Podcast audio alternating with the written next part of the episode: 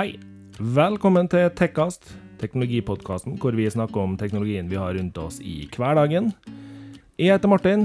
Martin er nerden som har lurt med meg til å spille inn en podkast hvor jeg snakker om ting jeg absolutt ikke aner noe om.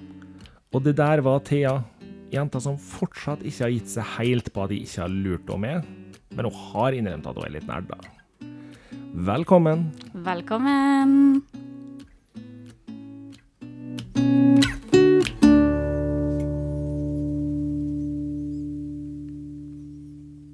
Ja, at Ja, Thea. Nå må du gi det. Nå må jeg gi meg. Nå må du gi meg. Hva, er ikke det heller på tide at du eh, innrømmer at du ikke er lurt med lenger, da, Thea? Mm, Nei. Nei, OK. Det er som med Hulights. Det går ikke. Du, Thea. Yeah. Eh, vi får si velkommen til alle som eh, hører på i dag. Men så får vi også si eh, velkommen til eh, Henry fra Underdog Productions. Yes, velkommen. Gjest og greier, vet du. Det er jo dine episoder her, Thea. Ja, det er jo kjempehyggelig. Jeg da- liker mine episoder best, vet du. Ja, du gjør det. Ja. Så Det- velkommen til det, Henry. Kjekt at du endelig kom, da. Og Ja, kunne tusen- være med. Tusen takk for invitasjonen. Ja. Hyggelig å være her. Har vært i planen lenge. Vi har jo fått eh, produsert introlåt eh, med dere. Det stemmer. Så da hadde vi også klart lyst til å ha deg med. Ja. Jeg håper folk har begynt å fått med seg at det er Underdog Production som har stått for den introlåta nå. Ja, jeg er ganske heftig til å si det på slutten Ja, gang. vi de sier det hver gang. Ja. Så Det er godt å høre. Men har du lyst til å fortelle litt om det sjøl først, eller? Det er kanskje ikke alle som hører på, som kjenner det. Ja. Eh, Hvem er du, hva gjør du, hva liker du? hvem er jeg, hva gjør jeg, hva jeg liker? Nei, jeg liker egentlig veldig lite og veldig, få. Ja, ja, men det er ærlig sagt, det. Sånn det skal være, det. Ja. Nei, um, uh, nettopp fylt 27 år, sånn cirka. Uh, driver med musikk på fulltid. Ja. Ikke som en musiker nødvendigvis, men uh, studio og det at jeg jobber i musikkforretning. Ja, Så det er alltid noe relatert til musikk, da. ja ikke sant? Og ikke minst eh, det med uh, live-lydproduksjon. Mm. Altså lydbransjen, da. Ja. Jobber, akkurat denne uka her så jobber vi i Bjørnsonfestivalen Ja, det er sammen med Bendik Kolbrø i Molde Live. Ja. Molde Live har jo eh, lageret sitt og kontoret sitt rett nedom der vi sitter nå. Mm. Så eh, det er jo litt artig. da, Han er i nærheten, han òg. Vi får vinke. Vi har vinka mye til Bendik. Ja. Jo. Eh, Bendik er en eh, trivelig kar. Det. Kult. Da er det jo veldig passende at temaet i dag er teknologien bak en amatørpodkast. Vi har jo fått tak i det meste av utstyret vårt hos det, Mm. på jobb med det. Vi i Tekkast var jo ganske uvante med hele dette med podkast i starten. Det er kanskje ikke så rart at man er uvant i starten, men uh, sjøl om man hadde lest og forska grassat mye, så føltes det skummelt å skulle begynne å velge utstyr til det her, eh, hva man ville ha i en lite amatørstudio.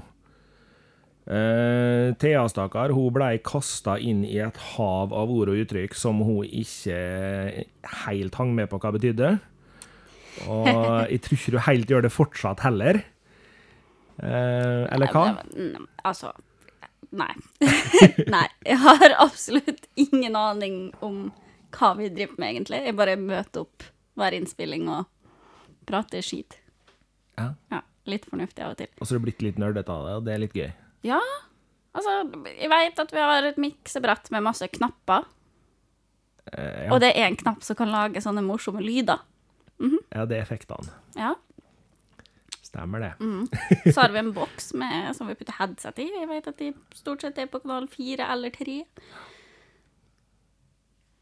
Såpass har du fått med det. Ja, og så hadde jeg skrevet at dere Jeg vet at Martin sin mikrofonarm er bedre enn min, men Henry var så grei og kjøpte med seg ny mikrofonarm til meg, så nå har jeg like god mikrofonarm som Martin. Ja.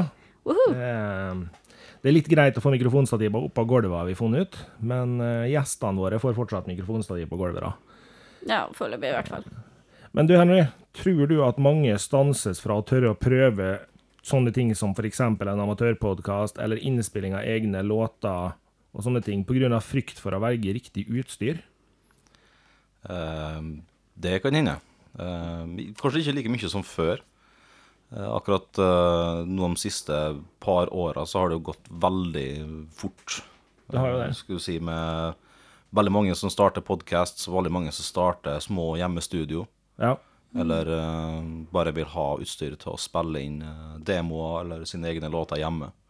Ja. Og du trenger ikke investere mye penger i å få tak i noe som faktisk er veldig bra nå i dag. Nei, det er jo en av de tingene jeg har inntrykk av òg. At uh, i dag så kan du egentlig kjøpe veldig rimelig utstyr som egentlig gjør jobben mer enn godt nok for folk flest. Ja. Ja, så tenker jeg at med sånn som i hvert fall for min sin del, alt jeg forstår går gjennom YouTube, liksom. Altså, trenger du noe, så ligger alt på YouTube. Ja. Så Det er jo én ting at du, YouTube er jo et kjempebra verktøy for å finne ut eh, informasjon og eh, kunnskap mm, det om eh, nok hva du trenger og hva du skal gjøre. Men uh, sånn i, i deres tilfelle så var det sikkert veldig kjekt for dere å komme innom Forsound og snakke med oss der og få bli fortalt. Ja, for én ting er å sitte kan det her, det virkelig om hva dere trenger og hva dere bør gjøre. Og, Ja.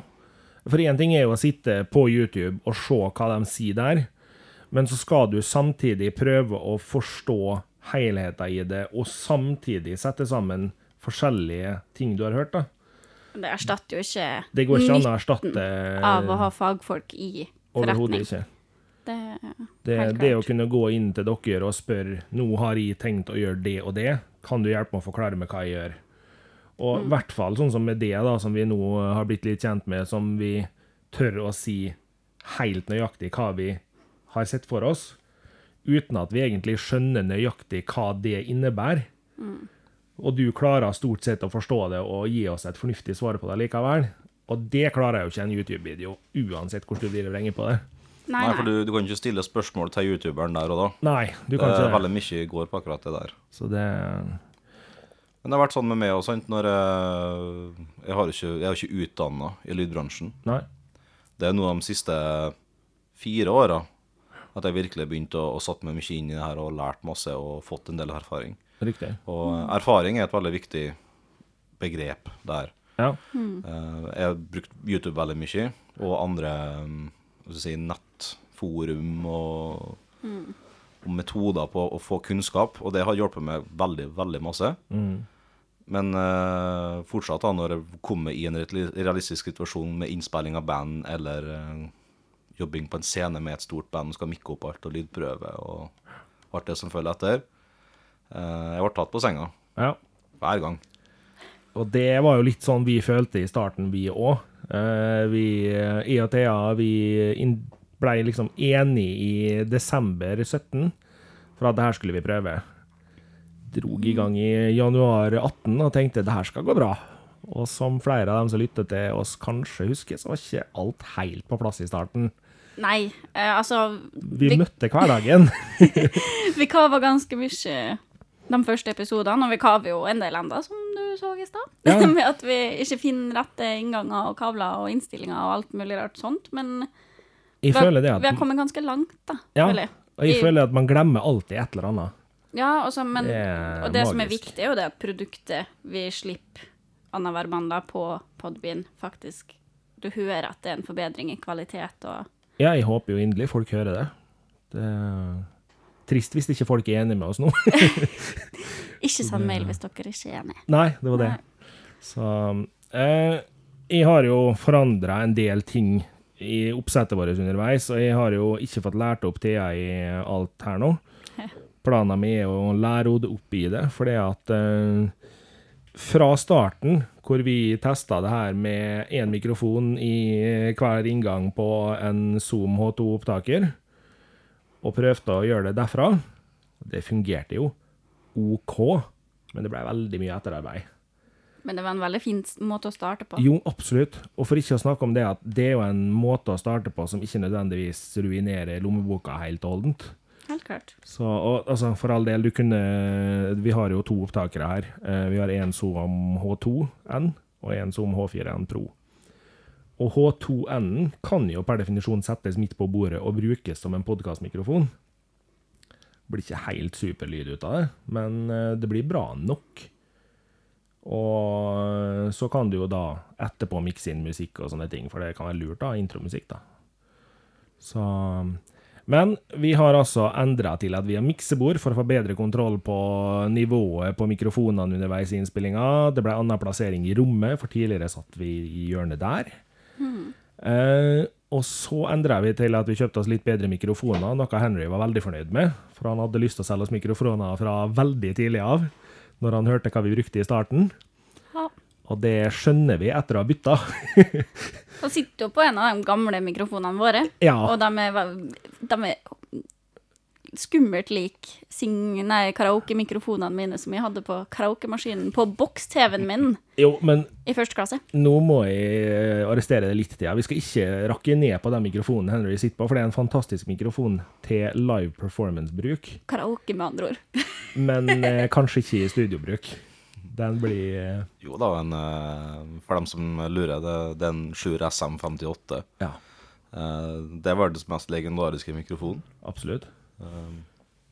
Nettopp fordi at det er en mikrofon som du kan kaste ned flere trappetrinn. Ja, du kan nesten og så blir låten bare bedre for hvert trinn han treffer. ja. si. Og så er det nesten sånn at hvis du har glemt igjen hammeren til å spikre fast scene- sceneteppet hjemme, så snur du mikrofonen, og så kakker du inn spikeren, og så er du fornøyd. Ja, For den tåler det nesten. den, eh, den gjør det. Ja. så det tror jeg ikke vi skulle testa med de to vi sitter med nå.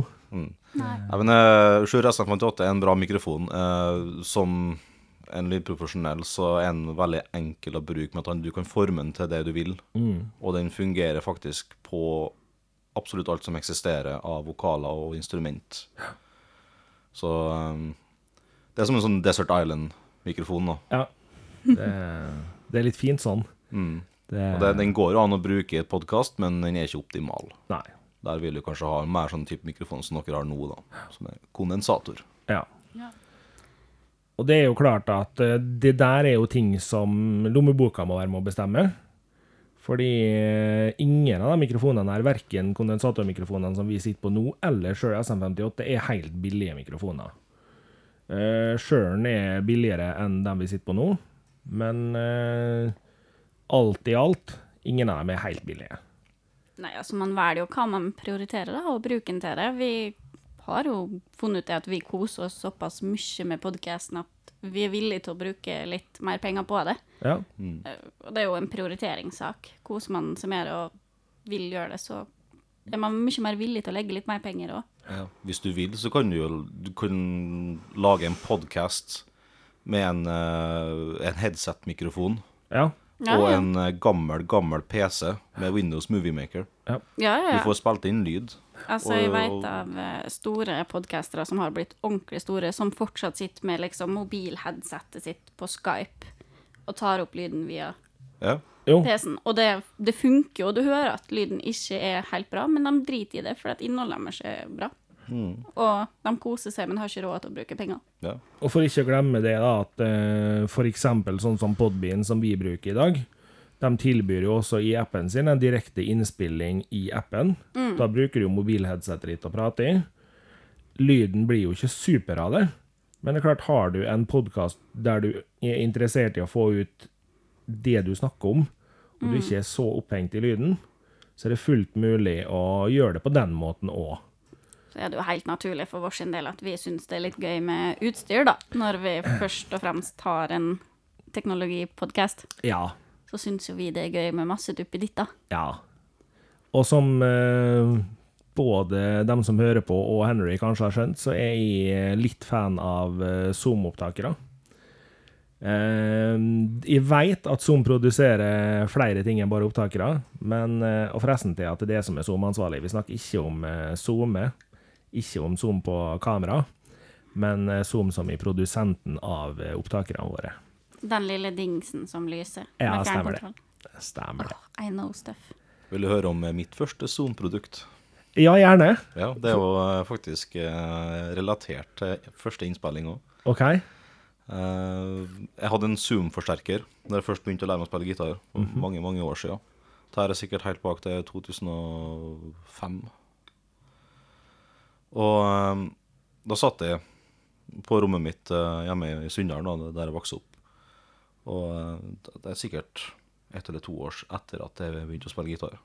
Fått min første elgitar og første elgitarforsterker, og det var en Zoom. Med masse forskjellige forsterkere inni og forskjellige lyder. Jeg syns det var kjempemessig da, men når jeg hører tilbake på i dag, så låter det jo helt forferdelig. Men det var Men- et steg opp for det, da. Ja. Ja. Og så da begynte jeg å få en interesse for det å måtte spille inn meg sjøl, da. Men eh, jeg hadde jo ikke noe annet enn et gaming-headset liggende som hadde mikrofon på seg. Ja. Så da kjørte jeg bare um, mikrofonen inn i PC-en. Og satte headsetet på gulvet inntil forsterkeren. og så uh, fant jeg sånn uh, Det finnes et sånt gitarprogram som heter Guitar Pro. Okay. Som du kan bruke til å lære deg gitarsanger som har sånn tablatur og digitale trommer og sånt inne. Ja. Så jeg tok ut de digitale trommene der, og så spilte jeg inn min første coverlåt, som var Black End av Metallica. Aha! Den, ble eh, spilt inn uh, to gitarspor med den Zoom-forsterkeren og headset-mikrofonen. Tror Eksisterer den ennå? Jeg, jeg tror faktisk den ligger på YouTube ennå. Fantastisk. Hvis den gjør det, får vi lov å linke den på Facebooken. Ja, ja. Bare for å vise hvor man kan begynne den. ja. Eh, Det- For nå driver du jo ditt eget studio. Det gjør jeg. Ja, Så du, du har jo gått en lang vei, da. Ja. Men det der beviser at uh, du kan spille inn hva som helst, sant? Ja. Med veldig lite utstyr. Du kan det. Så eh, da spørs det jo hvor mye penger du er villig til å investere i det her, da. Så blir man jo veldig kreativ også hvis det er noe man virkelig har lyst til. Mm. Så man legger headset på gulvet da, med høyttaleren og Ja, ja, eller forsterkeren og kjører på. det er helt sikkert veldig mange andre som har gjort akkurat samme som meg. Det tror jeg nok. Det tror jeg. Men som jeg nevnte i stad, vi har jo eh, Zoom H2N og H4N Pro som vi har tilgjengelig her i podden. Og begge de her kan teknisk sett ta opp podkaster alene, uten å koble til en egen mikrofon på dem. For å løse det enkelt og billig for folk. Nå er kanskje ikke H4N den er ikke superbillig, men den er ikke superdyr heller. Men H2N den er vel fortsatt ganske fin i pris. Det finnes en H1N nå, så jeg. Ja. Og vi er fortsatt på et prisnivå som folk flest takler da, hvis de har lyst til å prøve sånne ting. Og selvfølgelig så finnes det andre produsenter enn Zoom også. Og, men jeg tenker jo det at har man lyst å prøve å spille inn ting hjemme, så er dette her en grei og billig måte å prøve å gjøre det på. Eh, hvis man har lyst til å prøve å gjøre det her langt mer profesjonelt, så kan det hende det kan være lurt å heller leie seg tid i studio, tenker jeg da. Enn å nødvendigvis kjøpe seg fullt studioutstyr med en gang bare for å teste. Mm, jeg vet eh, Podcast Norge. Ja. Nå er jo de ikke stasjonert her, da, men de eh, har studio tilgjengelig, så de leier ut til nytenkende og nyskapende podkastere. Så du kan komme og betale veldig lite for å få spille inn episodene dine, og så hjelper de deg med å liksom laste det opp til din plattform og sånn. Ja. Og det er et ganske kult tilbud for en voksende podkast eh, Norge, da. Absolutt. Men sånn, eh, hvis en musiker eksempel nå, Henry, kunne tenke seg å dra i studio og prøve å spille inn ei låt for å teste, så ser jeg for meg det at det å leie studiotid i et studio er langt billigere enn å begynne å kjøpe utstyr du trenger til å prøve det der. Det kommer jo helt an på hvilken type studio det her er, da. Ja, Eh, Det er veldig varierende pris på forskjellige studio. Men eh, kontakter du riktig person, så får du sikkert en helt fin pris på det, ja. ja. Og det kan jo være langt billigere enn å kjøpe seg fullt utstyr. Men igjen er jo tilbake til det at uh, Ja, så legger du 3000 kroner i det, så har du egentlig det du trenger for å Ja. inn både gitar og vokal og bass og Det er jo det er blitt veldig billig Ja. å kunne få bra resultat. Det er det blitt. Mm. Det, Så det, det, det er veldig lite du trenger å kjøpe for å komme deg i gang, men så er det veldig mye du kan kjøpe for etterpå for, å gjøre ting enklere og mer Ja. effektivt. da, si. Og kvalitet, ikke minst. Og det er jo litt sånn som Thea sier, at eh, vi som teknologipodkast er jo veldig glad i å dra på med tekniske duppeditter. Og jeg har innsett at musikere er også det. Og det, ja, det, er Eh, I know. Det Fordi flyter. eh, hvis man først er interessert i noe, så er det lett for at man har mye som kan gjøre nesten det samme. Men, Men bare litt, litt forskjellig, annerledes. som ingen andre merker utenom du sjøl helst, eller andre musikere. Det er store forskjeller. Ja, Ja, de, de sier det, og likevel så sitter jeg her og bare Har vi hørt to forskjellige versjoner nå? What? Hva, hva skjedde? Men igjen, forståelig. Jeg har Ja. jo faktisk fått litt mer eh, gehør for lyd da, etter vi begynte å spille inn, i hvert fall. Mm. Så jeg merker jo forskjellene litt mer nå. Men jeg var jo en eh, snartur innom studioet deres på besøk, Henry. Og jeg innså at jeg har ikke akkurat noe studio hjemme. Jeg har mer muligheten for å ta opp lyd. Lite kontor. For eh, det var litt forskjell. Og det gjorde også at jeg dønn ærlig var en smule nervøs for å få det på besøk hit. Jeg var litt frykt for at du skulle begynne å mobbe utstyret mitt her. Martin, Det, gi men nå veit jo jeg at du er en hyggelig type, da, så jeg tok sjansen allikevel. det, Det er faktisk litt koselig, for Martin hadde litt prestasjonsangst til meg før du skulle komme og bare Ja, men tenk hvis vi får skikkelig dritt for utstyret vårt, oppsatte vårt Og jeg bare, Ja, men hallo. Amatørpodkast. Nei, jeg syns det, synes det ser veldig bra ut her. Det er klart, eh, jeg som teknologidingsbomsfantast, da, jeg har jo lyst til å bytte ut miksebordet mitt etter hvert. Men miksebordet gjør jobben sin i dag.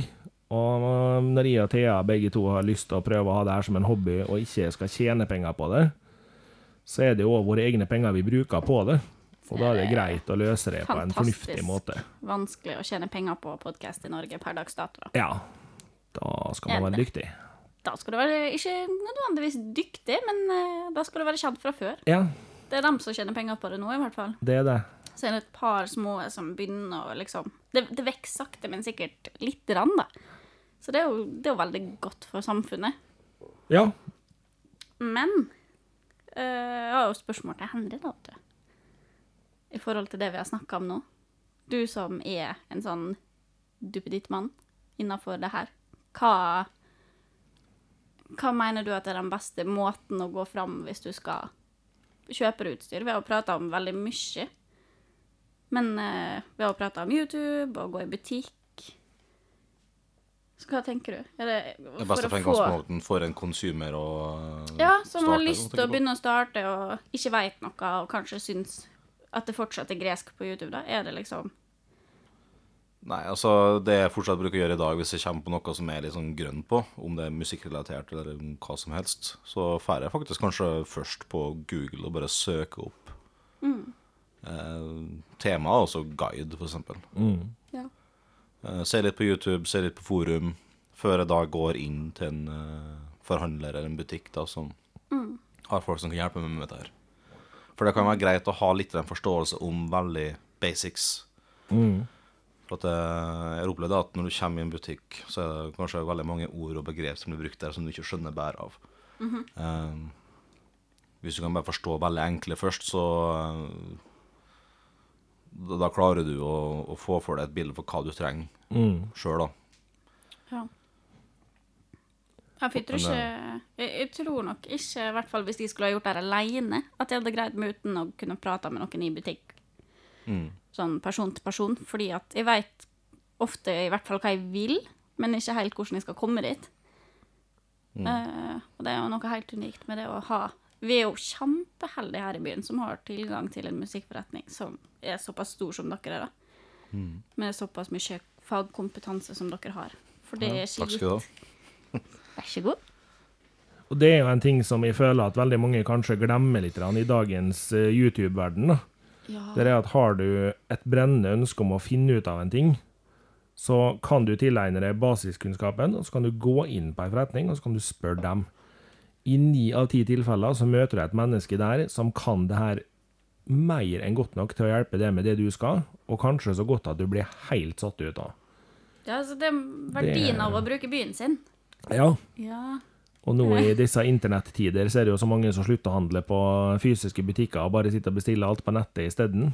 Ja, ja. Men eh, da mangler du den der eh, hyggelige fyren som står og sier at du vet hva, den mikrofonen der er kanskje 3000 kroner for dyr til det du trenger den til.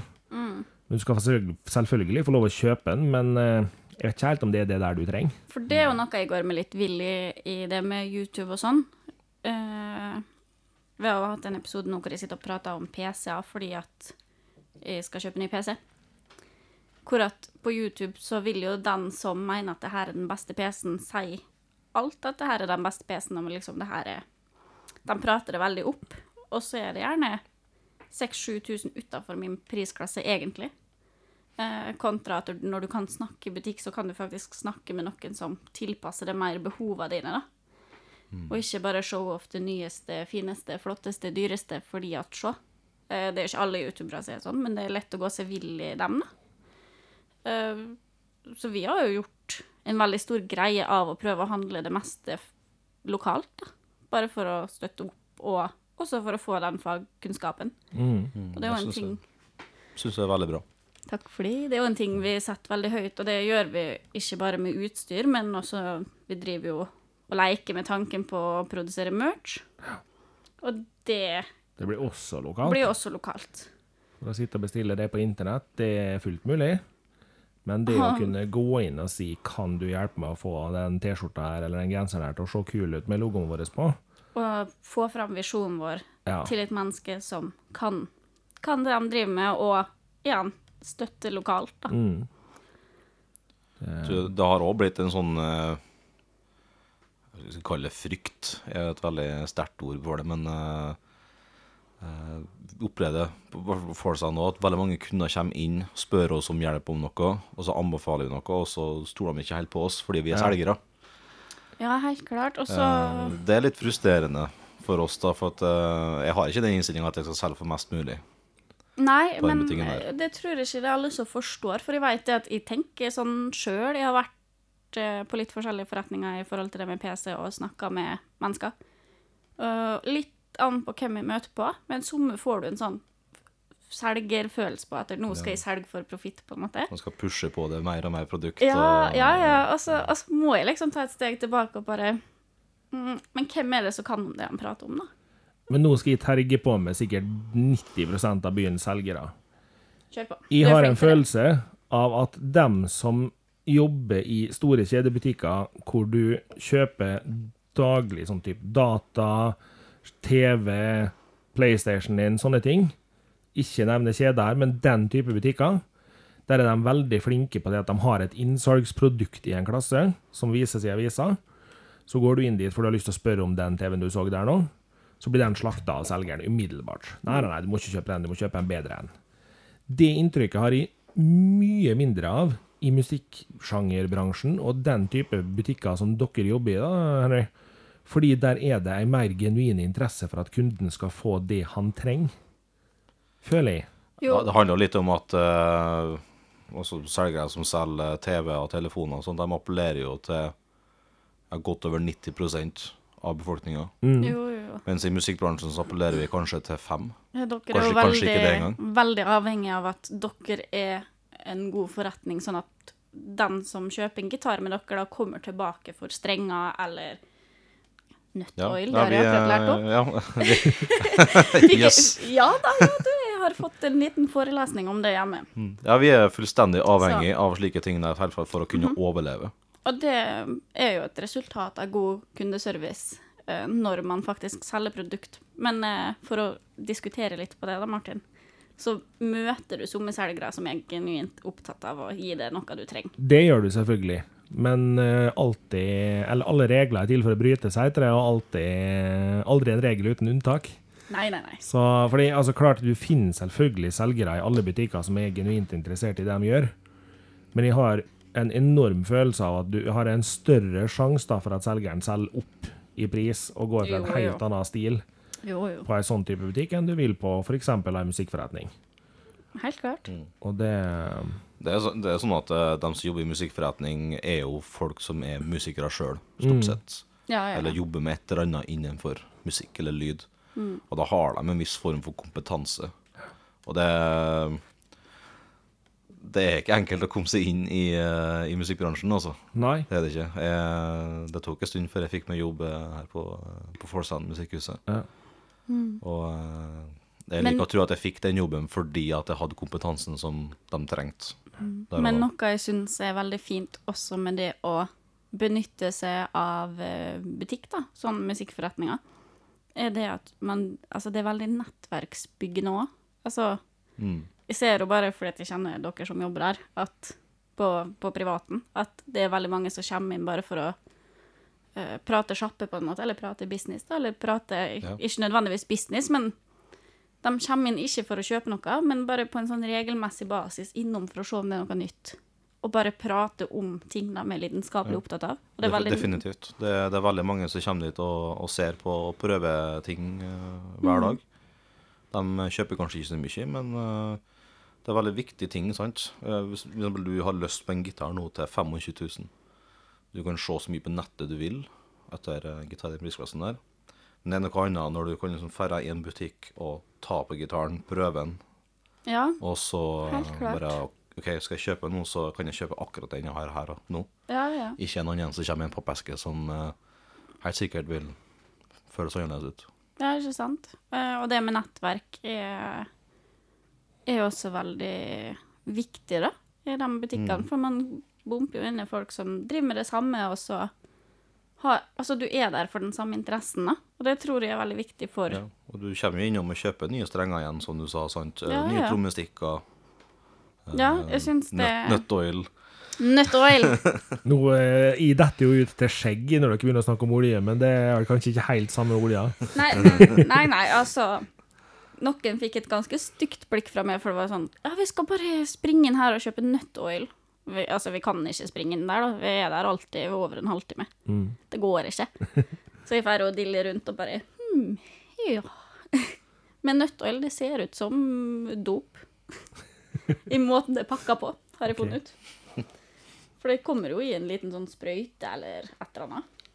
Ja, nei, det er ikke veit jeg. Liten flaske ut. Ja, men jeg bare Hva er det her, da?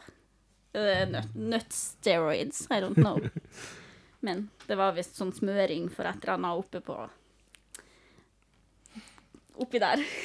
Oppi gitarhalsen. Ja, det er, det er ingen eh, av dem som hører på, som ser meg, men jeg lager veldig fine edderkoppfingre Ja. over mikrofonen min nå. Det Mm, Det er mellom der strengene går, Ja, de skal ja. så at det ikke skal være friksjon. Ja. Det her eh, fikk jeg beskjed om at det sånn var viktig, ja. Ja, For jeg prøver jo å lære meg gitar, så det fikk jeg jo beskjed om at det var viktig. Det er jo kjekt å vite. Det Nei, men det er noe med det, når man eh, kan prate med folk som faktisk Ja, kan, absolutt. kan ting. At man, man lærer Ikke at jeg hadde så veldig behov av akkurat det med nøttøl, da, men jeg kan stå sammen med Niklas da på Foursound, og så begynner de å snakke om noe jeg kanskje forstår, plukke opp litt av, og så forstår jeg litt mer til neste gang, og så litt mer til neste gang. Det er jo sånn vi holder på her, for jeg kan jo Mm. ingenting om noe. Men det var jo altså sånn overgang for meg. Jeg var jo Jeg prata jo en del med dem på Foursound før vi starta denne podkasten her. For jeg gikk jo fra å drive med musikk som DJ for en del år tilbake, til å nå skulle lage podkast, og det går det ikke helt an å sammenligne. Ikke i nærheten av hverandre engang, for å være helt ærlig. Ja, jeg har sett et miksebord før, men det å mikse livemiksing versus det å stå som DJ og mikse, det var veldig forskjellig. Det var ikke artig engang at det var så forskjellig. Nei, du hadde et eh, veldig annet utgangspunkt, da. Ja. Så, men det er klart, fordelen min da var jo at jeg visste hva kablene heter, jeg veit hvordan ting ser ut. Eh, Jeg veit forskjellen på enkle mikrofontyper. Og jeg veit òg det at jeg er ikke nødt til å bruke 10 000 på en mikrofon for å ha en god podkastmikrofon. Jeg kunne sikkert ha brukt 10 000 og fått en enda bedre mikrofon, men nødvendigheten er ikke der. Eh, nå har jo jeg hørt altfor mye på amerikanske podkaster, og jeg har hørt ett mikrofonnavn så mange ganger at jeg var grisenysgjerrig og var nødt til å sjekke det opp, og det var jo Heil PR40. Ikke helt min prisklasse. det var litt annen pris enn hva jeg har planer om å bruke på mikrofonen til podkasten min. Men igjen. Jeg har ikke Mange peiling på hva det egentlig koster i Norge, veit du det, eller? Ikke i hodet, nei. Nei. Men uh, Heil er et uh, merke vi ikke selger så veldig mye av. Nei, Det er vel litt mer utbredt i statene, tenker jeg. jeg ser for meg at det liksom er sånn, i hvert fall Det nærmer seg vel fort 20 000, sikkert. Det kan godt hende. Jeg hører litt mer på sånne garasje- og kjellerpodkaster hvor de sitter i garasjen og drikker øl, og i, kje- i kjelleren og Men det er litt artig at du sier det, da, for du vet jo at den ene podkasten i og du hører på begge to, der bruker de faktisk den mikrofonen. Ja, men uh, nå skal det sies at begge dem to i Jeg antar at du prater om uh, True Crime Garage. Yes. Skal det sies at begge de to er musikere og musikerutdanna, Ja. og han ene har eh, jobba som musikklærer i musikkforretning i mange år. Og så tror jeg også det at, som Henry sier, at det er mer utbredt i statene. Ja. Og jeg tror eh, Heil har et litt annet Litt annen innsikt i podkastbransjen der borte. Kanskje til og med jeg må sponse litt, hvis det er behov for det. Så Men Martin, ja. Skal vi slutte å snakke om oss og snakke Ja. om Underdog Production? Jeg tenkte det. Men vi bare, i kjapt nå så kan vi jo runde av eh, utstyrsbolken med Ja. å si det at uh, sjøl om eh, vi nå har snakka mye om forskjellig utstyr, så er det viktigste er at hvis du har et brennende ønske om å produsere podkast eller å spille inn dine egne ting, så må du ikke være redd for å prøve. Du må heller Og ikke eh, være redd for å spørre. Nei, ta heller turen innom en type forretning sånn som Forsound. Spør, få et ordentlig svar, og for all del, det her kan løses til en helt fornuftig penge for folk flest. Du er ikke nødt til å svi av eh, huslånet på, uh, På utstyr. Det er overhodet ikke nødvendig. Og vi vil jo at Podkast-Norge skal vokse. Ja, Og vi vil at det skal bli mer amatører på markedet. Så, eh, Som ikke er eid av eh, store bedrifter fra før. Ja, Ikke fordi de har gode podkaster, men det er veldig hyggelig for oss i samfunnet å få flere uh, amatører uh, og egendrivende som uh, som vi kan connecte med, for det er så lite av oss akkurat nå. Mm. Og det er veldig mange som sitter og brenner inne med noe de virkelig brenner for, noe de har lyst til å dele med andre liksinnede, noe de har lyst til å prate om. Om det er true crime, eller om det er uh, den her båtsaken din, ubåtsaken din, Ja. eller hva det nå enn skulle være, da. Teknologi. uh, vi er jo veldig under underrepresentert i Podkast-Norge Ja, med teknologi. Det er jo mest livsstil nå, som går på amatørbasis, i hvert fall.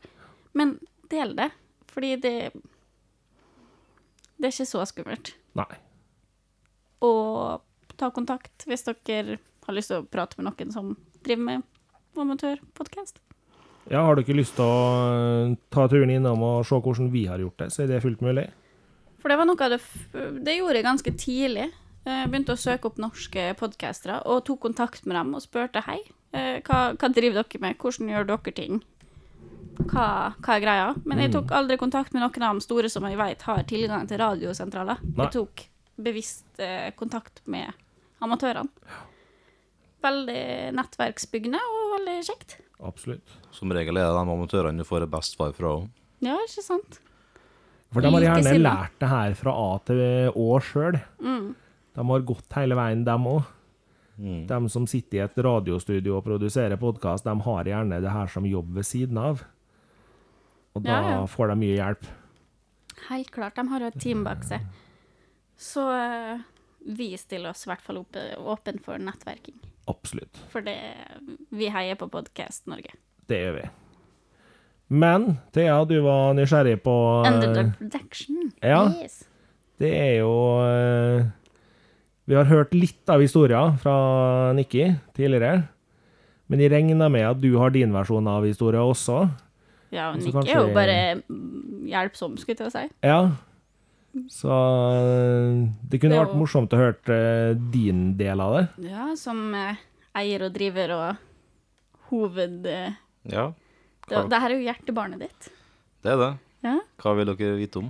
Hva gjorde at du valgte å starte et studio i en så liten by som Molde? Nei Fordi jeg ville. fordi at jeg fikk muligheten til det. Eh, når jeg gikk på folkeskole i 2009, da begynte jeg virkelig å få eh, sånn interesse for eh, studiojobbing. For da var vi i studio på slutten av året og spilte inn en sånn skoleplate. Ja. Og når vi var der, så eh, jeg spilte inn noen trommer og gitar hovedsakelig. da, Og så var jeg der under hele produksjonsfasen i etterkant. Fikk se hvordan det funka, og jeg, jeg syns det var så fascinerende og så kult å jobbe med. Så året etter så kjøpte jeg meg helt enkelt utstyr med et eksternt lydkort, en mikrofon og eh, programvare til å spille inn med. da. Og da brukte jeg bare en sånn digital eh, gitarforsterker. Mm. Sånn software, da, programvare. Som uh, Da plugger gitaren inn i det eksterne lydkortet, sant? og så går signalet inn i PC-en. Mm. Eh, et program på PC-en da som har gitarlyd, og så går det ut igjen i headset eller høyttalere som en bruker. da. Mm. Og da var det sånn at jeg kunne bare spille inn ideene mine der og da, og så balla seg opp, og så ble det jo noen låter. og Sånn holdt jeg på i eh, en del år. Så jeg flytta hit til Molde, og så begynte jeg bare å kjøpe på litt mer utstyr, da. Begynte liksom med ordentlige studiemonitorer, og så begynte jeg å behandle rommet litt, for jeg har hørt at det gjør at du får et litt bedre lytteopplevelse, og du hører litt mer detaljer. Og um, så utvikla seg til noe bedre mikrofoner etter hvert, og bedre forforsterkere, konvertere. Nå begynner jeg sikkert å snakke litt grann gresk. Tja, jo, ja. Ja. Men det balla på seg, da, med andre ord. Ja, og eh, til slutt så hadde jeg måte et lite hjemmestudio i stua, da. Eller i et rom ved sida av stua. Som en sånn skivedør, så jeg kunne liksom lukke der og, og jobbe. Og der begynte vi faktisk å spille inn de første demoene til sideprosjektet til meg og Tommy Beckstrøm, som er kollegaen min på Force Sound. Vi har et uh, metal-band som heter for Feed. Og der ble alt spilt inn i den stua. Og den, den ligger faktisk på Soundcloud. City Gates heter den. Ja. Oh, så kult. Og øh, resultatet ble faktisk uh, veldig kult. Og øh, etter hvert som tida gikk, så fikk jeg plutselig høre om at øh, det står et studielokale i Molde sentrum som ikke blir brukt til noe annet enn lager akkurat nå. Og det her var noe som yrkesskolen bygde bygde -hmm. for Frank og Tolle. Mhm. De starta et studio i Vektergata. Var det ikke musikkforretning i gateetasjen der før? Ja, Jo, det var det. ja. Eh, Musikkhuset, der jeg jobber nå, Ja. hadde lokaler der før, før de flytta til eh, Storsenteret. Mm. Så det er kjelleren der, det er et studio. Der var det Mm. ordentlig bygd med dobbeltisolert rom og Mm. lydglass og lyddører og kabelgang og alt det som kreves for et ordentlig profesjonelt studio. Da. Flotte persiske tepper på gulvet. Og... Ja, det, det må være, vet du. Ja, ja, ja, det skal, må være såpass. Og så eh, tenkte jeg at eh, herregud, står et studio bare tomt? Det hørtes interessant ut. Så fikk jeg kontaktinfoen til han som eier bygget, da, og spurte om jeg kunne få lov å, å leie der. Mm. Og det fikk jeg selvfølgelig. Så tok vi og bare og pussa opp litt lett. Og øh, kjørte i gang med utstyr. Og det var en kraftig innkjøpsrunde med forskjellig utstyr i løpet av første året. Mm. Eh, jeg veit hva sum det er, men jeg vil ikke, jeg vil ikke ytre det. Det er helt i orden. Vi trenger ikke å prate penger. Vi snakker lidenskap.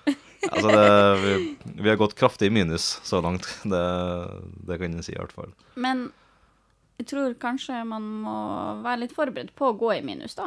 Når man følger drømmen sin og nisjen sin, og så Det, var- det var vi absolutt. Og så, eh, vi starta ikke studio for vi skulle tjene penger på det.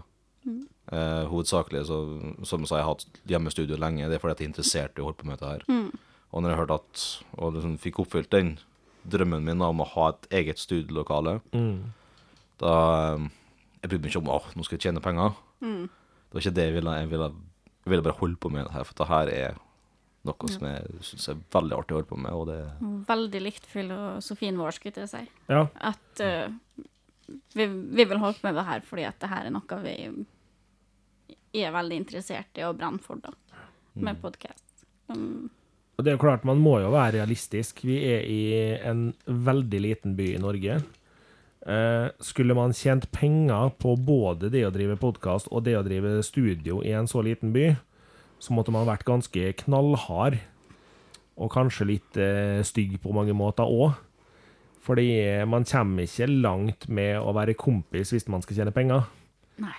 Men da, da, men da forsvinner kosen. Det Jo, er jo griskere du er, jo mer mer penger tjener du. Ja. helt klart. Og man kan eh, tjene penger på ganske mange måter. Vi har jo eh, ofte, i hvert fall her hos oss, eh, sponsordiskusjoner. Mm. Hvor, at, hvor mye reklame ønsker vi å trakke inn i en eh, episode? Fordi vi får tilbud eh, via Podbind, hvor vi regna på at vi, det var ganske heftige eh, mengder. Jeg tror det var fem reklamer eller noe vi fant ut Ja, på I én time på én time for å tjene hva var en tusenlapp i halvåret. i halvåret. Ja.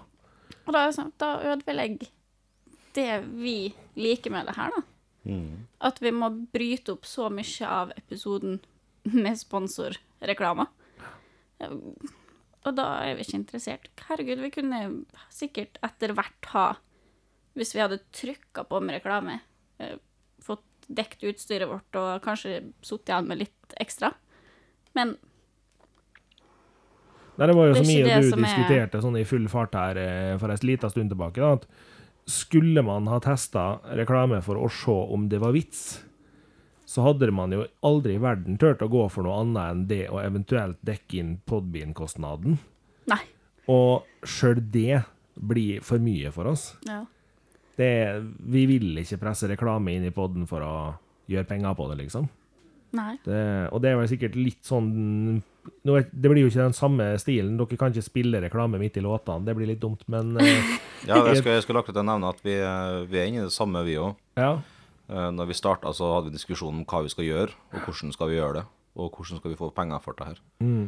Og eh, en av de første tingene vi ble enige om, det var at eh, vi skal ta det her med ro. Vi tar det i vårt eget tempo. ja. Vi, vi skal ikke sette så mye krav til oss sjøl nå til å begynne med.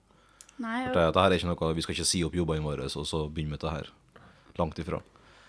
Eh, vi starter dette på hobbybasis, og så gjør vi det for oss sjøl, og så ser vi hvor det går hen. mm. Etter Det er hvert så noe gjør vi det riktig og likevel på med det, så vil jo forespørselen komme av seg sjøl. Jeg tror hvis man forhaster den prosessen i å prøve å tjene penger, eh, så selger man seg ut i den type Mm. eh, bransje vi er i, skulle jeg si, hvis vi kan kalle det en bransje, og det, den bransjen dere er i. Eh, at da selger man seg ut til ting man egentlig ikke kan stå for, da. Ja. Eh, skulle vi hatt sponsorreklame nå, så skulle det i så fall ha vært noe vi virkelig kan stå for og brenne for, og i tillegg ha en god avtale i bakhånd, da. Og da kan vi jo nevne det at for dem som sitter og hører på, som kanskje tenker om dere har reklame Ja, vi nevner Underdog Productions ofte. Vi har skrevet om Underdog Productions på introen av podkasten vår. Men det handler jo rett og slett om respekt for det de gutta her gjorde for oss i starten. Eh, Ja, for det skal sies, vi får jo ikke penger eh, fra Underdog Productions for å snakke om dem. Vi Nei. snakker om dem fordi at dere, dere, Dere var supersnille med oss i starten og ga oss ei introlåt. ja, dere produserte den for free eh, Ja. og støtta oss, og da støtter vi tilbake med eh, reklame, eller altså en takk, da, egentlig. Det er jo ikke reklame, det er jo takk. Mm. Og det, det er en måte jeg liker å gjøre ting på. Ja, ikke sant? At Det, eh, vi som holder på veldig lavt nede nå, vi bare hjelper hverandre på den støtte Støtter opp under hverandre. og Det Uten å er kreve betaling. Ja, ikke sant? Altså For jeg tok et kjapt Google-søk på det her med hvis vi skulle kjøpt en intromelodi på nettet. Jeg hadde tror jeg fant tre stykker som var villige til å produsere den her til meg for under 2500. Ja, ikke sant. Og det var alle folk som gjorde jobb som ikke var helt der jeg ville ha min introlåt. Ja, ja. Eh, det jeg har fått nå, er en introlåt som jeg liker, som jeg vet at flere av dem som hører på oss, går og knipser på og plystrer på på jobb. Ja, altså, pappaen din Eh, ønsker seg jo livekonsert i stua si. Ja, det er det største ønsket hans. Pappa syns jo den introlåten er så fengende at han er jo helt satt ut. Og jeg syns Han ønsker det seg Niklas til julene, Ja, nesten. rett og slett. Husker, husker du hvor mange forsøk det tok Niklas å spille inn den gitaren, eller? Det, det tok så lang tid. men Men Ja. Vi hadde ikke fått et produkt vi hadde vært så glad i. Nei, Hadde vi gått gjennom en sånn tjeneste. det hadde vi ikke. Fordi at nå kan vi støtte opp under noen vi tror på, eh, noen vi heier på, og noen som heier på oss tilbake. Og det er kult. Det er kult. Og så er det jo utrolig stilig at uh, vi er en liten podkast i en liten by, som da har fått hjelp av et lokalt platestudio og produksjonsselskap. Det er tøft.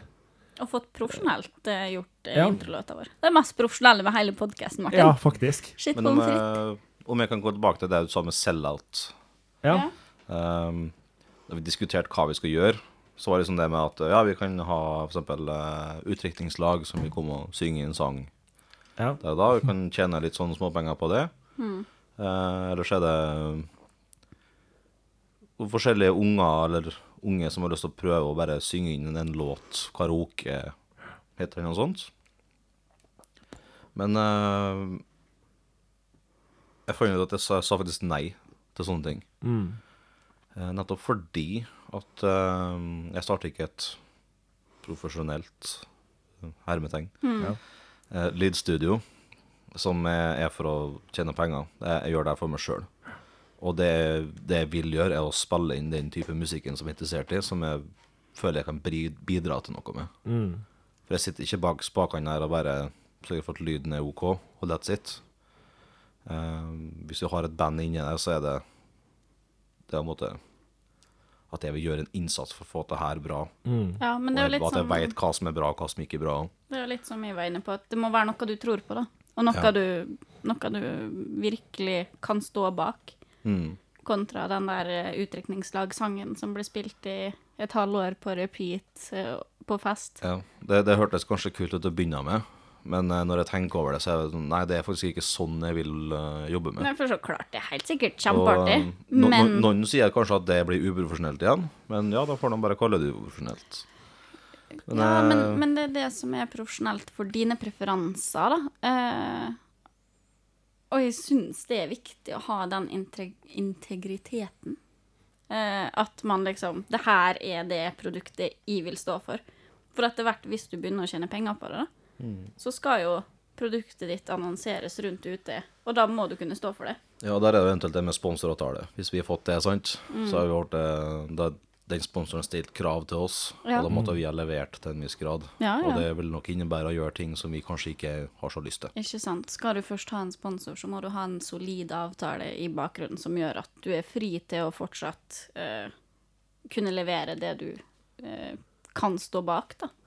Og det er jo ikke til å stikke under en stol at spesielt i produksjonsbransjen da, så er det jo enorme forskjeller på hva folk produserer òg. Det er en grunn til at det er rene hiphop-studio, rene metal-studio og country-studio.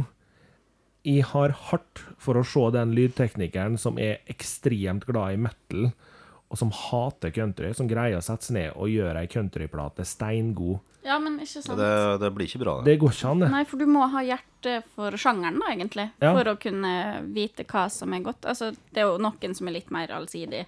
Mm. Ellers er det noen som er litt mer interessert i å tjene penger. Men blir det da like godt? Og det tror jeg kanskje ikke. Nå skal jeg ikke uttale meg kjempesterkt på det, for det vet jeg jo ikke. Men eh, Men altså et, et band som eh, er litt sånn etablert og vil spille inn en plate, de vet det at eh, Så når du skal inn i et studio, så du får ikke inn i det studioet du har valgt det, fordi at Oi, der er det det utstyret, og det vi har hørt at folk er så bra der. mm, skal du er nødt til du, gjøre den researchen på forhånd, da, at kanskje OK, se hvem som jobber her, og finne ut er dette her rette folka som en måte har inn- som er interessert. Ja. Mm. Enkleste måten å gjøre det på, er bare å ta kontakt med studioet og si at vi vil spille inn plata her. Her har du noe demo av oss, eller bare en, eh, en live-innspilling, hva som helst. Bare så den altså produceren, som den blir, da, mm. veit om han kan bidra med noe jeg ikke. ja, og, eller altså Man kan Så jo det kommer, det kommer det et jazzband med en forespørsel til meg nå, Mm. så kommer jeg sikkert til å si nei, dessverre, jeg kan ikke hjelpe det. Mm. Men vi har en annen produser her i Molde som kan det her veldig godt. Ja, Han ikke kan sant? få til, få til et mye bedre resultat for dere. Og det er sånn fair game også, som jeg føler at ikke er Vi er jo heldige at det er så lite her, fordi at her blir det kanskje da litt mer fair game fordi at man kjenner hverandre. Det er ikke sikkert, men jeg håper at det er sånn. Kontra det å bare si at ja, men jeg har utstyret til å hjelpe dere, jeg kan spille inn, og så spiller man inn, og så får de et halvveis produkt, da.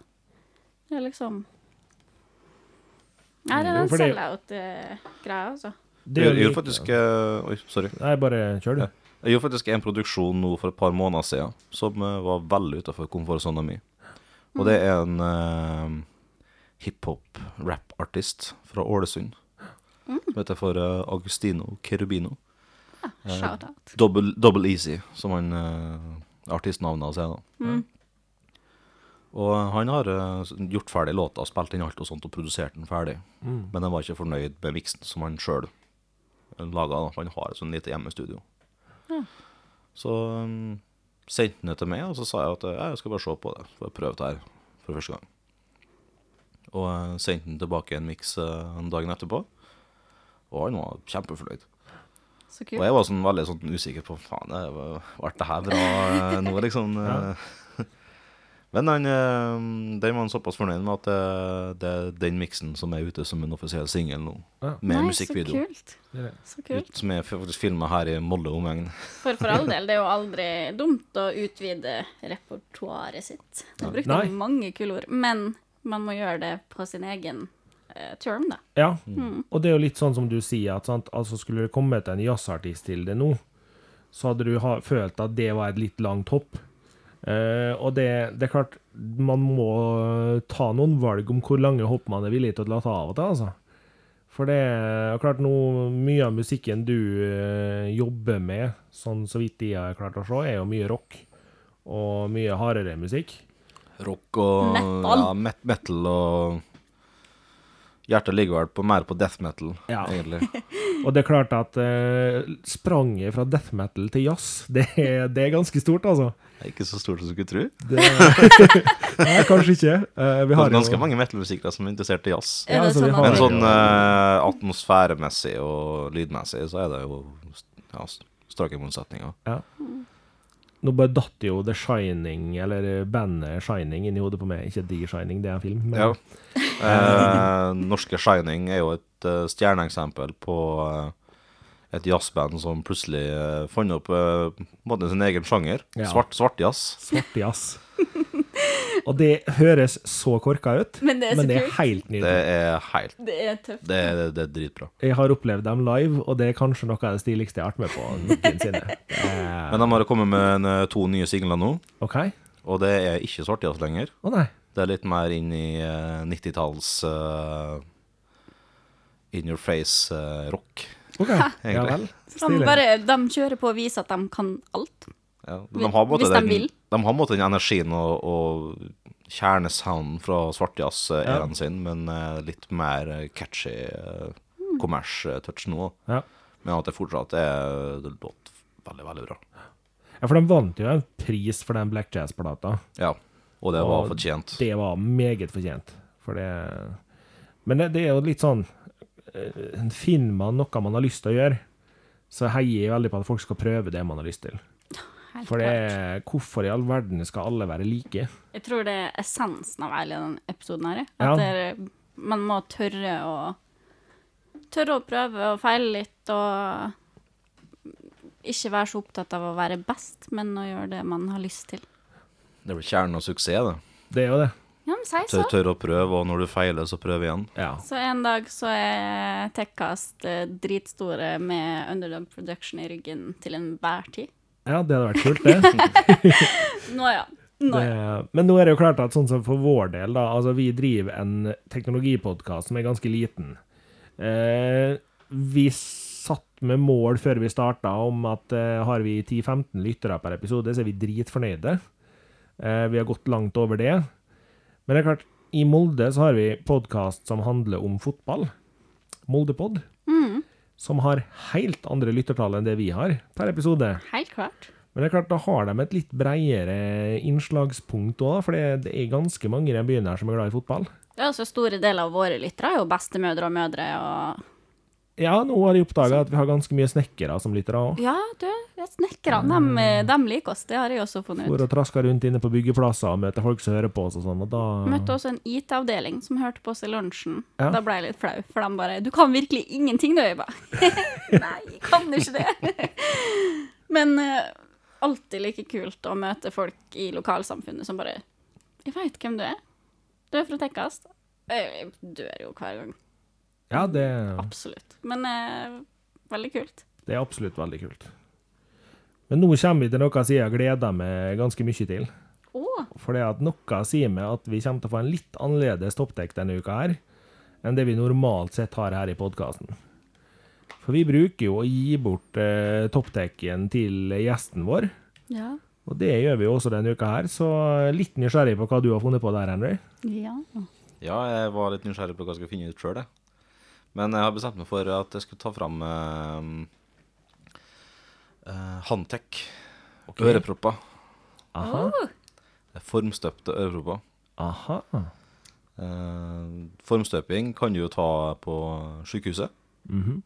Så får du støpt av ørene dine, og da får du med seg her, og så kan du sende dem inn til Handtek, Ok. et eh, norsk firma.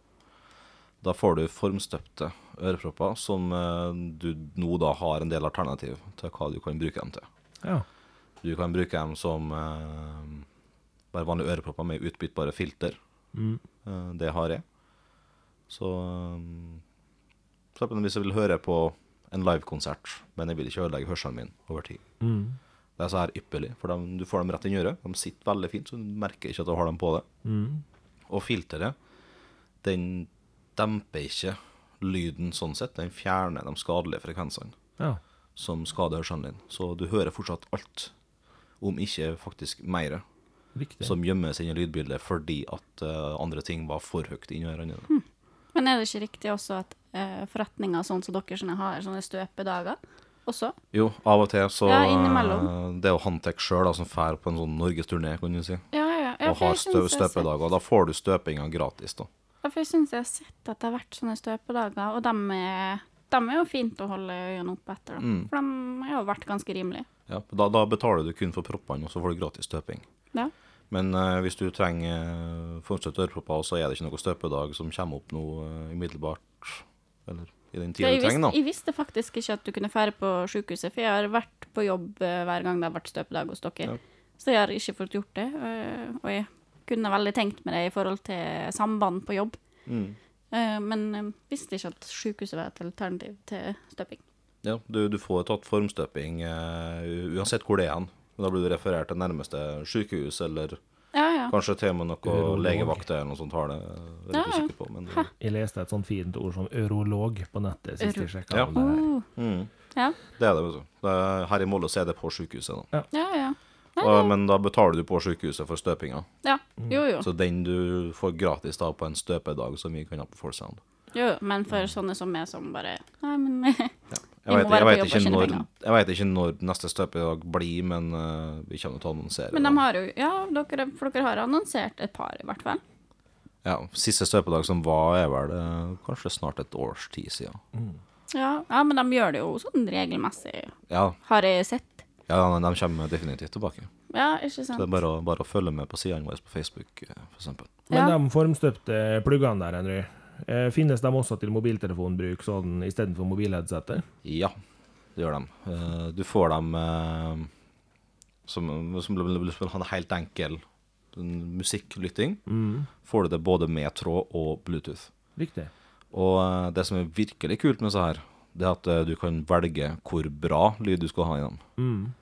I form av at du skal, skal ha en enkeldriver, eh, dual driver eller triple driver. Ja, Det som gjør da at du får en egen driver for bass, mellomtone og diskant. riktig.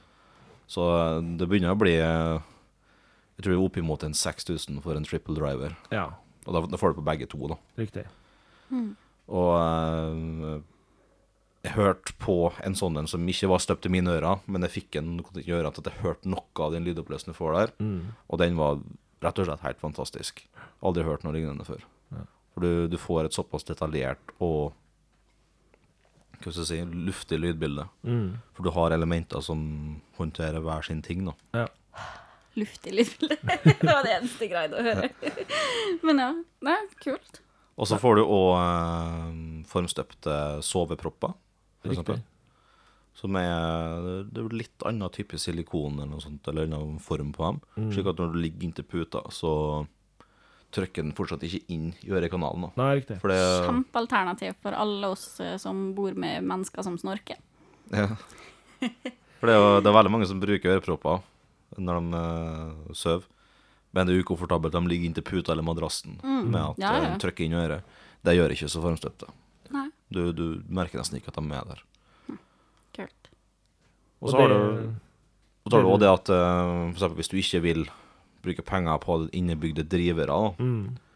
for da må du ha separate propper som blir til demping, og så har du noen andre propper som heter musikk. da. Mm. Du kan òg kjøpe på bare si, elementet. Mm. Så du setter, så har du så her eh, dempepropper nå, så kan du ta ut filtrene, så kan du sette inn de eh, øre... Riktig. Altså ørehøyttalerne, da, Ja. vil du si. Ja. Det er òg alternativ, men ja. det er ikke like bra som de som har innebygde drivere, Nei, naturligvis. Men eh, det er et alternativ. Men det du sa introvis her, med det at uh, du får propper som kan dempe de skadelige frekvensene på livearrangement og sånt, Mm. det er noe jeg tror folk er nødt til å bli mye flinkere til å tenke på. Ja, ta vare på hørselen sin. Fordi jeg har sjøl vært på noen liveopplevelser hvor jeg har stått etterpå og tenkt jøsse navn, det her gjør vondt i huet. Og jeg skulle nok ønska det i dag, at jeg hadde tenkt mer på det der. For jeg har nedsatt hørsel på ene øret og merker det godt i hverdagen at lyden er faktisk lavere på det øret. Og det kommer nok litt av at man står med en eh, DJ-monitor rett ved siden av hodet, og man glemmer seg vekk når man er på livekonserter og sånne ting. Og det I dag så er det blitt så lett å få tak i gode produkt i den klassen der. Og det trenger ikke å koste skjorta. Mm. Og Jeg, det jeg har absolutt jobba mine konserter hvor jeg har kommet hjem og bare Herregud.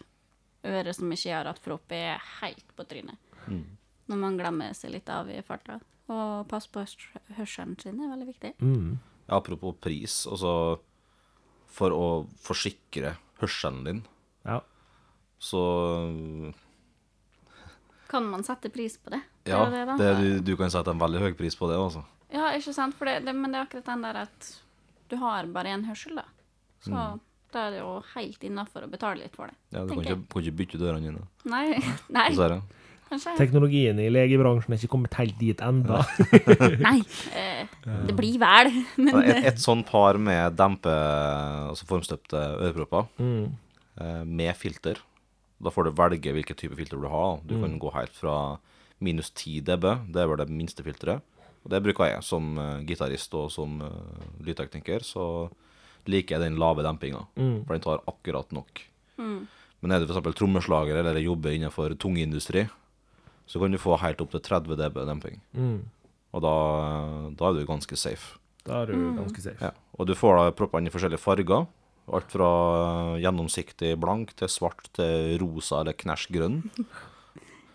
Og de koster 1695 for paret.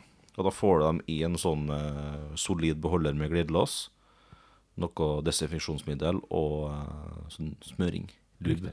lube. Ørelube. Ørelube. Det, det, det er jo ingen pris. Men stemmer det, Henry, at det der er den typen du kan bytte filter i?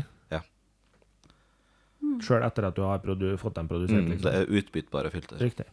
Så trenger du nye filter, så er det bare å ta kontakt med oss, og bestiller vi det. Så der har jo Martin kjøpt seg nye propper. Nei, ikke helt enda, men eh, det, altså, jeg har tenkt på det her. Fordi eh, jeg må ærlig innrømme det at eh, jeg har litt trøbbel med både det at jeg har mista litt hørsel, og jeg har litt trøbbel med at jeg har eksem i ørene, som gjør det at eh, å dele headset, eller head, ørepropper med folk, utgår. Mm. For uh, jeg klør da altså så besett i ørene tidvis at uh, jeg er da q-tipsører. Ja. Uh, og det er ikke helt bra. Så eh, jeg har jo heldigvis vært veldig forsiktig med q-tips eh, i mange år nå, fordi det er jo dritskummelt. Eh, folk tenker ikke over det og dytter dem langt pokkerivoll inn i hodet og klør som noen gærninger. Men eh, ikke gjør det, folkens. Eh, så jeg har tenkt mye på det, fordi eh, det å ta vare på hørselen sine er viktig. Og etter Stoneguard på Raumarock for noen år siden, så skulle jeg gjerne hatt sånne propper hele den konserten, for jeg tror jeg blødde i øregangene i tre dager etterpå. Ikke det at eh, konserten var dårlig, men det tok helt av lydmessig. Og øh, det eneste jeg egentlig satt igjen og huska, det var at jeg hadde vondt i ørene, og at han påsto at han ikke var inspirert i det hele tatt av Metallica. Det, det er li, veldig likt min oppfatning av eh, Metal Church når jeg var på konsert med dem. For det var så høyt at det eneste jeg huska, var at det var høyt. Konserten etterpå var ikke like høy, så den husker jeg veldig godt, og den var veldig bra. Men Metal Church, det var, det var bare høyt. Det er alt jeg husker. Ja, høyt. Og det er litt kjedelig å huske band fordi de spilte høyt. Ja. Bruk ordentlige ørepropper. ja, ja. Det er veldig kjedelig å høre på musikk med sånne skumpropper. Det er det. Sant? Det, du berger hørselen din, men det, du ødelegger opplevelsen. Ja. ja. Der kommer sånne Og det er jo derfor så mange dropper det. Ja. Fordi at du muter så mye, og det alt blir så ullete. Og da har du ørepropper med utbyttbare filter, Mhm. som kommer og redder dagen. Og det her er også noe jeg ser en del apotek har tilbudt lignende løsninger, men de er jo ikke da formstøpte. Og de er heller ikke utbyttbare filter på dem. Du kjøper dem i den filterbiten du vil. Og, men nå, nå ser jeg for meg at det er nok noe du langt fortere kommer til å miste når de koster 79,50. Så mister du nok dem ganske fort. Mens eh, kjøper du formstøpte, så tar du jo vare på dem. Ja. Ja. Vi har jo noen sånne ikke-formstøpte propper Ja. med utbyttbare filter på. Folksand nå. De koster 250 kroner, eller 199 Riktig. for paret. Så da får du med en sånn eh, nøkkelring, en sånn beholder som henger på en nøkkelring. Her har du med da tre propper, og så én Mm. i reserve. Og så har du med tre forskjellige filter. Riktig. Ja. Sånn du kan bare bytte ut. Uh, du trenger ikke noe verktøy eller noe som helst. Du bare tar den ut, setter inn nye filtre. Ja. Og Så eh, har du det her på nøkkeldanken, og nøkkelen har du som regel med deg hele tida. Ja. Og da har du med deg proppene dine hele tida. Mister du en, så har du en i backup i en sånn, en sånn rom som er på undersida, faktisk. Så supertips. Eh, Kjøp et sånt sett først, og så tar du vare på hørselen din fram til du får formstøpte headsetene dine etterpå. Supert. Det tror jeg er lurt tips. Jeg brukte sånne propper i mange år før nå fikk meg formstøpte. Og jeg og du har jo en sjukehusdate, eh, Martin. Ja, vi må jo støpe øra, vi nå. Ja, vi må, vi må det nå. Støpe øra, det høres helt feil ut, men ok. Tror du vi kan gjøre det som en sånn eh, kollektiv opplevelse? Tror du vi kan spørre om å få det sponsa til podkasten? Sponsa av Trenger vi det til podkasten? Ja. Er, Nå ja. jeg tenker mer på støpinga. det er, eh, vi har også ei spalte vi kaller Ukens underholdningstips. Og eh, hvis du har noe der, Henry, så skal du få lov å komme med noe der òg. Eh, folk må begynne å se Game of Thrones fra sesong én igjen. For at eh, det kommer ny sesong snart, så da må man naturligvis eh, se på alle sesongene Jeg på har aldri lidd meg gjennom noe så mye jeg føler at som jeg Game må- of Thrones sesong én. Jeg føler at jeg må si meg enig med Henry, fordi jeg har aldri jeg har aldri greid å følge helt med på Game of Thrones. Nå kommer jeg sikkert til å bli slakta, men OK.